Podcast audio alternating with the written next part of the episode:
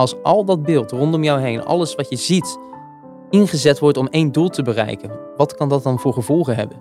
Goedendag, wat leuk dat je er bent. Je luistert naar Leermonument, een podcast voor de Open Monumentendagen Dordrecht. Dordrecht is met ruim duizend monumenten een echte monumentenstad. Deze monumenten kun je ieder jaar bezoeken tijdens de Open Monumentendagen. De historische binnenstad van Dordrecht kent schilderachtige straten, die dan ook veelvuldig door meesterschilders zijn vereeuwigd. En tijdens de Open Monumentendagen kun je al die prachtige panden nog beter leren kennen. Dit jaar gaan we digitaal op bezoek bij monumenten die aansluiten bij het nationale thema van dit jaar: Leermonument. Dus monumenten waar iets te leren valt. Mijn naam is Mian Nusteling, schapenkop en officieuze ambassadeur van dit eiland. En in deze podcast ontvang ik iedere aflevering een bijzondere gast met wie ik het gesprek over een leermonument aanga. In deze aflevering ontmoet ik Stefan Vogels, educator bij het Nationaal Onderwijsmuseum. Stefan en ik gaan in gesprek over de huidige tentoonstelling Nazi-propaganda. En deze propaganda is speciaal gericht op de jeugd. Welkom, Stefan. Dankjewel. Hey, als je het Onderwijsmuseum in één zin moest omschrijven, wat zou het dan zijn? Dat het Onderwijsmuseum is een leerzame, maar ook uh, familievriendelijke en daardoor vermakelijke instelling. En het museum zelf zit ook in een prachtig gebouw. Nou ja, deze podcast gaat natuurlijk over uh, monumentale panden en mooie gebouwen. Kun je iets vertellen over het pand waar het museum in zit? Ja, het pand is ontworpen door uh, Siebold van Ravenstein. Dat was een architect uit begin uh, 20e eeuw. Um, en hij, heeft ook, hij was van 1925 tot 1935 in dienst bij de NS. Dus hij heeft heel veel spoorgebouwen, heel veel stations ontworpen. En uiteindelijk wist hij ook het de bouw van de Holland voor zich te winnen. En de Holland van 1859, dat was een brandverzekeringsmaatschappij. Die zaten in een oud pand in de binnenstad. Daar groeiden ze uit. Ze waren op zoek naar een nieuw pand. Ze kwamen in die 19e eeuwse schil van Dordrecht terecht. En daar stond dus een heel mooi kavel. Uh, nou, Van Ravenstein ging daarmee aan de slag. En die bouwde daar een mooi neo, ja, een Hollands neo-barok uh, gebouw. Ja. Met veel van zijn kenmerkende versier, ja, versieringen. Ja, echt die, vloeiende vormen en zo. Ja, het is echt prachtig. Het is al een, echt een reden genoeg om naar het museum te gaan. En even kort, jij werkt daar als educator. Wat doet een educator precies? Nou, een, edu een educator verzorgt eigenlijk alles met betrekking tot educatie. Dus de ontvangst van schoolgroepen, het ontwikkelen van onderwijsprogramma's, het aansturen van het team museumdocenten. En daarnaast, omdat wij uh, bij het Onderwijsmuseum een gezellig, ja, wat kleinschalig team zijn, werken we gewoon heel veel samen in grote projecten als tentoonstellingen, uh, en andere evenementen. Ja, en het museum biedt een hele brede inzage eigenlijk van de geschiedenis van educatie. Je ziet er uh, gezellige scholiertjes en oude vulpennen. Maar het contrast met de tentoonstelling in de kelder had bijna niet groter kunnen zijn. Kun je daar wat over vertellen? Ja, ja over, de, over de tentoonstelling ja. propaganda voor de jeugd. Ja.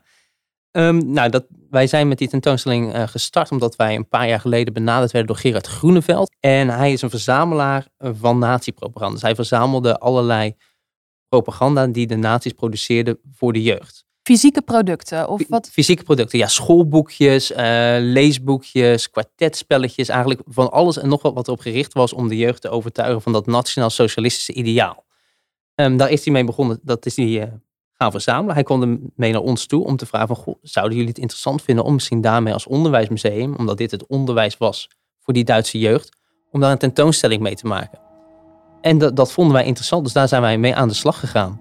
Om te, te zien van, goh, wat voor invloed kan onderwijs ook hebben? Ja. ja, want er zijn natuurlijk heel veel tentoonstellingen geweest over de Tweede Wereldoorlog. Wat maakt deze dan anders? Um, nou, veel tentoonstellingen focussen zich echt op de oorlog, op het oorlogsgeweld. En wij focussen echt op die propaganda en dan ook de propaganda gericht op de jeugd. Dus hoe werd de jeugd overtuigd? Dus hoe werden de kinderen overtuigd van het nationaal-socialistische ideaal? Nou, hoe gebeurde dat bijvoorbeeld? Nou, op, eigenlijk op alle mogelijke manieren. Het begon thuis, tenminste, de tentoonstelling start ook uh, in de woonkamer. Dus je zit thuis, je hebt de radio aanstaan, je hoort speeches van Adolf Hitler, je hoort uh, speeches van Jozef Goebbels op de radio. En er ligt een kwartetspel op tafel over uh, nationalistische jeugdliederen. Je leest een boekje waarin verhaald wordt over de heldendaten van de Weermacht. Um, je gaat vervolgens de straat op en je ziet posters van Hitler. Je ziet dat uh, Joden verguisd worden. Uh, je gaat naar school en je, je, je leert rassenleer, je leert erfelijkheidsleer. Je leert. Uh, het was gewoon overal. Je ja, niet aan. Uh, er was geen ontkomen aan. Op elke manier waarop je bezig kon zijn als kind. Dus ook in je vrije tijd. Door bijvoorbeeld lid te worden van de Hitlerjugend. Wat op den duur ook verplicht werd. Je werd continu gebombardeerd met ja, die ideologie. En ik denk wel eens, als ik denk aan propaganda en aan groeiend populisme, wat je nu bijvoorbeeld ook wel ziet door bijvoorbeeld social media. Is daar ook een, een speciale keuze in gemaakt om juist nu die tentoonstelling te maken? Doordat, doordat de eigenlijk de politiek zich heel veel online voor jongeren gaat afspelen? Ja, we hebben daar wel heel erg geprobeerd om naar de actualiteit aan te koppelen. Ook middels ons onderwijsprogramma, waarin we jongeren echt vragen van... kijk eens rondom je heen. Hoeveel beeld zie je eigenlijk dagelijks wel niet verschijnen? Zowel analoog als digitaal. En omdat wij zoveel beeld zien, sta je eigenlijk nog wel stil bij dat beeld dat je ziet. Probeer daar nog wel eens beter naar te kijken. Welke boodschap wilt dat beeld jou overdragen? Um, en dat doen ze. En dan vervolgens kijken ze in de tentoonstelling van wat er kan gebeuren als al dat beeld rondom jou heen, alles wat je ziet, ingezet wordt om één doel te bereiken. Wat kan dat dan voor gevolgen hebben? Hoe reageren jongeren op dit educatieprogramma? Want ik kan me voorstellen dat het ontzettend confronterend is, misschien wel. Ja, nou dat is nog heel spannend, want wij zijn natuurlijk als tentoonstelling geopend 10 juli aan het einde van het schooljaar. We hebben een onderwijsprogramma voor het VO en het MBO die toen nog niet als hele klasse bijeenkwamen. Ja. Dus de eerste uh, school die langskomt is aanstaande donderdag. Oh, wat spannend. Nou, toi, toi, toi. En de uh, tentoonstelling zelf is al wel open. Wat zijn dan de reacties van het publiek? het publiek, van wat ik heb begrepen, zijn, het voornamelijk heel, ja, zijn ze onder de indruk van wat ze zien. Ze hadden geen idee dat het zo ver, uh, nou, dat die propaganda zo ver doorgetrokken was. Dus dat je het overal en alles wat gepubliceerd werd, dat je daarin wel weer propaganda kon herkennen. En dat vinden veel bezoekers ook benauwend en beangstigend dat dat zo ver kon gaan. Is natuurlijk best wel een lastig onderwerp. Je kan het ook snel, denk ik, verkeerd doen, juist omdat het best wel gevoelig ligt. Hoe gaat het maken van zo'n educatieprogramma in zijn werk? Het maken, ja, het maken van een educatieprogramma. Nou, ja, we beginnen eigenlijk gewoon met heel breed. Welke onderwerpen, welke thema's zouden we eigenlijk kunnen koppelen aan het onderwerp nazi-propaganda voor de jeugd? En dan ga je kijken wat speelt er op dit moment in het onderwijs. En dan zie je dat burgerschap is een opkomend thema, uh, mogelijk zelfs een vak in het nieuwe curriculum, waarbij ook aandacht wordt besteed aan mediawijsheid. Dus hoe ga je om met media en hoe kijk je naar media en zowel online als offline. En daar ga je dan mee spelen. Oké, wat voor opdrachten zouden we daar dan aan vast kunnen maken ehm, om uh, leerlingen met deze tentoonstelling aan de slag te laten gaan, maar ook die historische context te gebruiken om een actuele boodschap te vertellen. En daar gaan we dan mee puzzelen. En dan kan je een, ja, een doorlopend programma ja. maken. En ik kan me voorstellen dat jij zelf ook het een en ander leert als er zo'n nieuwe tentoonstelling komt. Uh, er zijn natuurlijk heel veel bruikleenstukken. Uh, je hebt het net al over een, eh, een kwartetspel. Ik heb ook op een foto een volgens mij schaakspel gezien. Of een soort stratego. Ook om al heel vroeg bij kinderen oorlog inzicht te geven en zo. Het is echt wel, wel heftig. Van welk bruikleenstuk was jij nou echt het meest onder de indruk? Of dacht je, hé, hey, dit wist ik echt niet of dit had ik niet verwacht? Moeilijk te zeggen. Er zijn heel veel bruikleenstukken die ik echt... Uh, Waarvan je schrok? Ja, bijzonder vind. Um, er, is één, er is één schoolplaat, die hebben we in bruikleen van een museum in Essen. Een schoolmuseum in Essen. Waarop je een Duitse soldaat, een weermachtssoldaat, hij is eigenlijk vrij gezichtsloos. Die zie je met een schild en een zwaard tegen een vierkoppige draak vechten. En die vier koppen van die draak die staan voor plutocratie, kapitalisme, bolsjewisme en het jodendom. En dus hij, dus dat, die, zo'n schild en zo'n zwaard die werd eigenlijk helemaal niet meer gebruikt in de Tweede Wereldoorlog. Dat was ver verouderd. Maar door dat in die propaganda uh, terug op te nemen, maken ze die strijd heel persoonlijk. Want een zwaardgevecht, dat is iets, dat komt heel dichtbij. Dat is geen lange afstandsgevecht. En dat is heel donker en duister weergegeven. En daarachter lopen dan heel veel blonde jongetjes in hetzelfde Hitlerjugend tenue. Uh, ja, triomfantelijk uh, te paraderen, te marcheren. Uh, en dan daarin lees ik dan dat die strijd, die wordt dan voor hun gestreden. Dat moest hen overtuigen, dat moest die jeugd overtuigen dat er voor hen een hele belangrijke strijd werd gestreden. en als ik naar die afbeelding kijk, zie, kan je daar heel veel in lezen. En dat laat ook zien op hoeveel verschillende manieren er werd ingespeeld op de jeugd. Wat die jeugd eigenlijk allemaal wel niet meekreeg aan uh, wereldlijke zaken. Die, waar je op, uh, in de moderne samenleving bijna niet bij stilstaat op die leeftijd.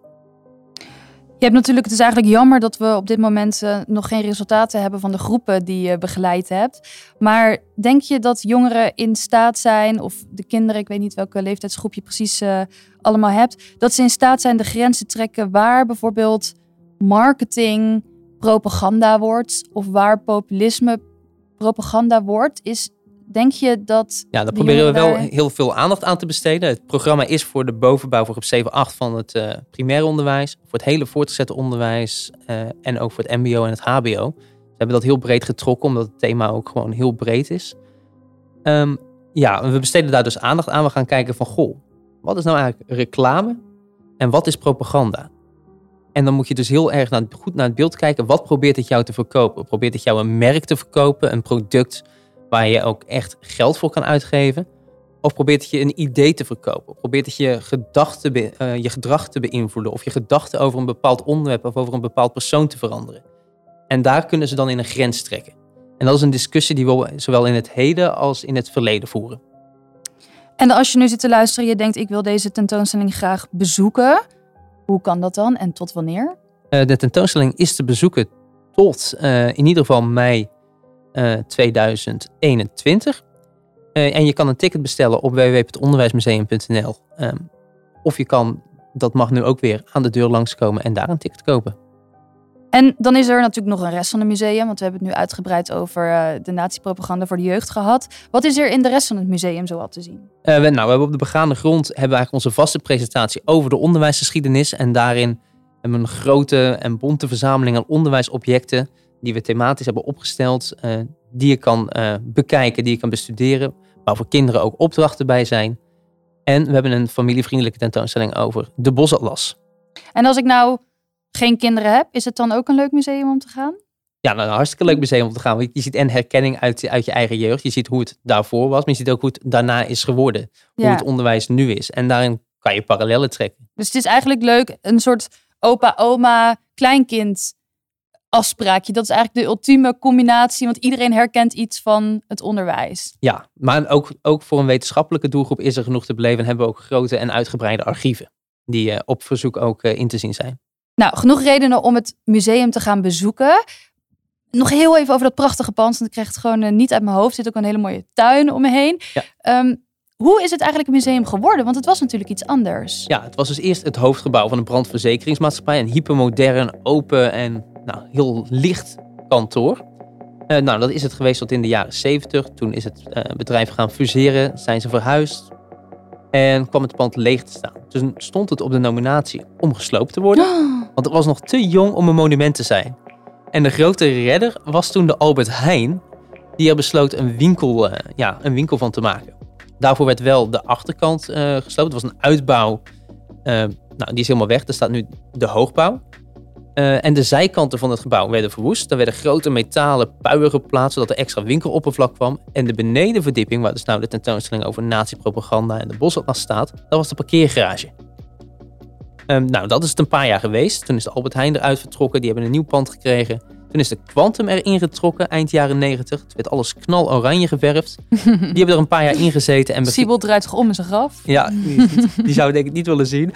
Um, en toen heeft het ja, in, de, in de jaren nul en begin jaren tien dus ook uh, gestaan. Ja. Dus ik kom vaak ook nog wel eens. Misschien heb jij ik ben er nog wel eens geweest, ja. Net, ik wou net vragen. Ik heb er gerollerdurbied. Dus dat is een, uh, een soort rugby op rolschaatsen. En wij trainden daar, ja. Levensgevaarlijke sport. En uh, ja, ik ben er wel eens geweest. Ja, nou ja, het, er zijn ook nog video's van op YouTube. Tenminste, Juno stuurde me laatst ook video's door. Ja, Juno is de nachtburgemeester van Dordrecht. Ja. Voor de luisteraar die hem niet kent. Onmogelijk. Hij stuurde me laatst ook video's door, inderdaad, van dat zijn vrienden daar nog aan het skaten waren. In de, terwijl het pand helemaal leeg stond.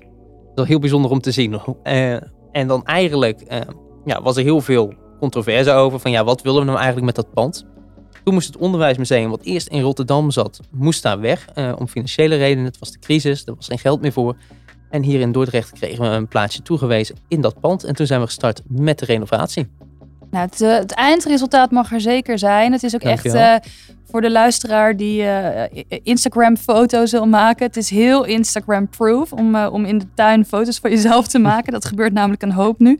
Ehm, ik vraag aan alle gasten die in deze podcast verschijnen ook wat hun eigen favoriete Dordtse monument is. Want als de luisteraar nu denkt, hé, hey, ik, ik heb een fiets ter beschikking en ik ga een rondje maken. Welk gebouw moeten ze zeker even passeren? Ehm, nou, heel cliché om dan het onderwijsmuseum te zeggen, dus dat ga ik niet doen. Maar Nee, die dat moet je, dan niet. moet je sowieso langs.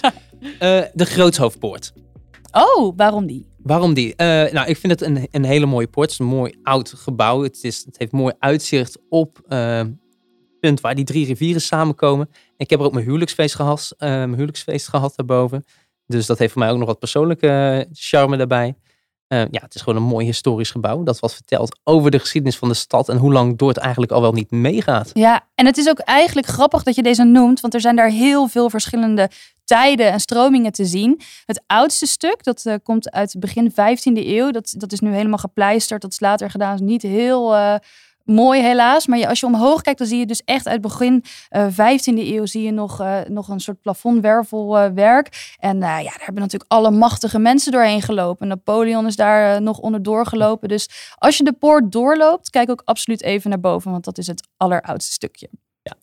Ik wil je heel erg bedanken, Stefan. Ik hoop dat iedereen de tentoonstelling eh, gaat bezoeken en dat we er ook iets van leren. En eh, ik hoop dat ook iedereen langs jouw favoriete monument fietst, wandelt, loopt. Dankjewel. Dankjewel. Dit was Leermonument. Bedankt voor het luisteren. Wil je meer Dordrecht? Ga naar centrumdordrecht.nl of kom gewoon langs en bezoek dit prachtige eiland vol cultuur en geschiedenis.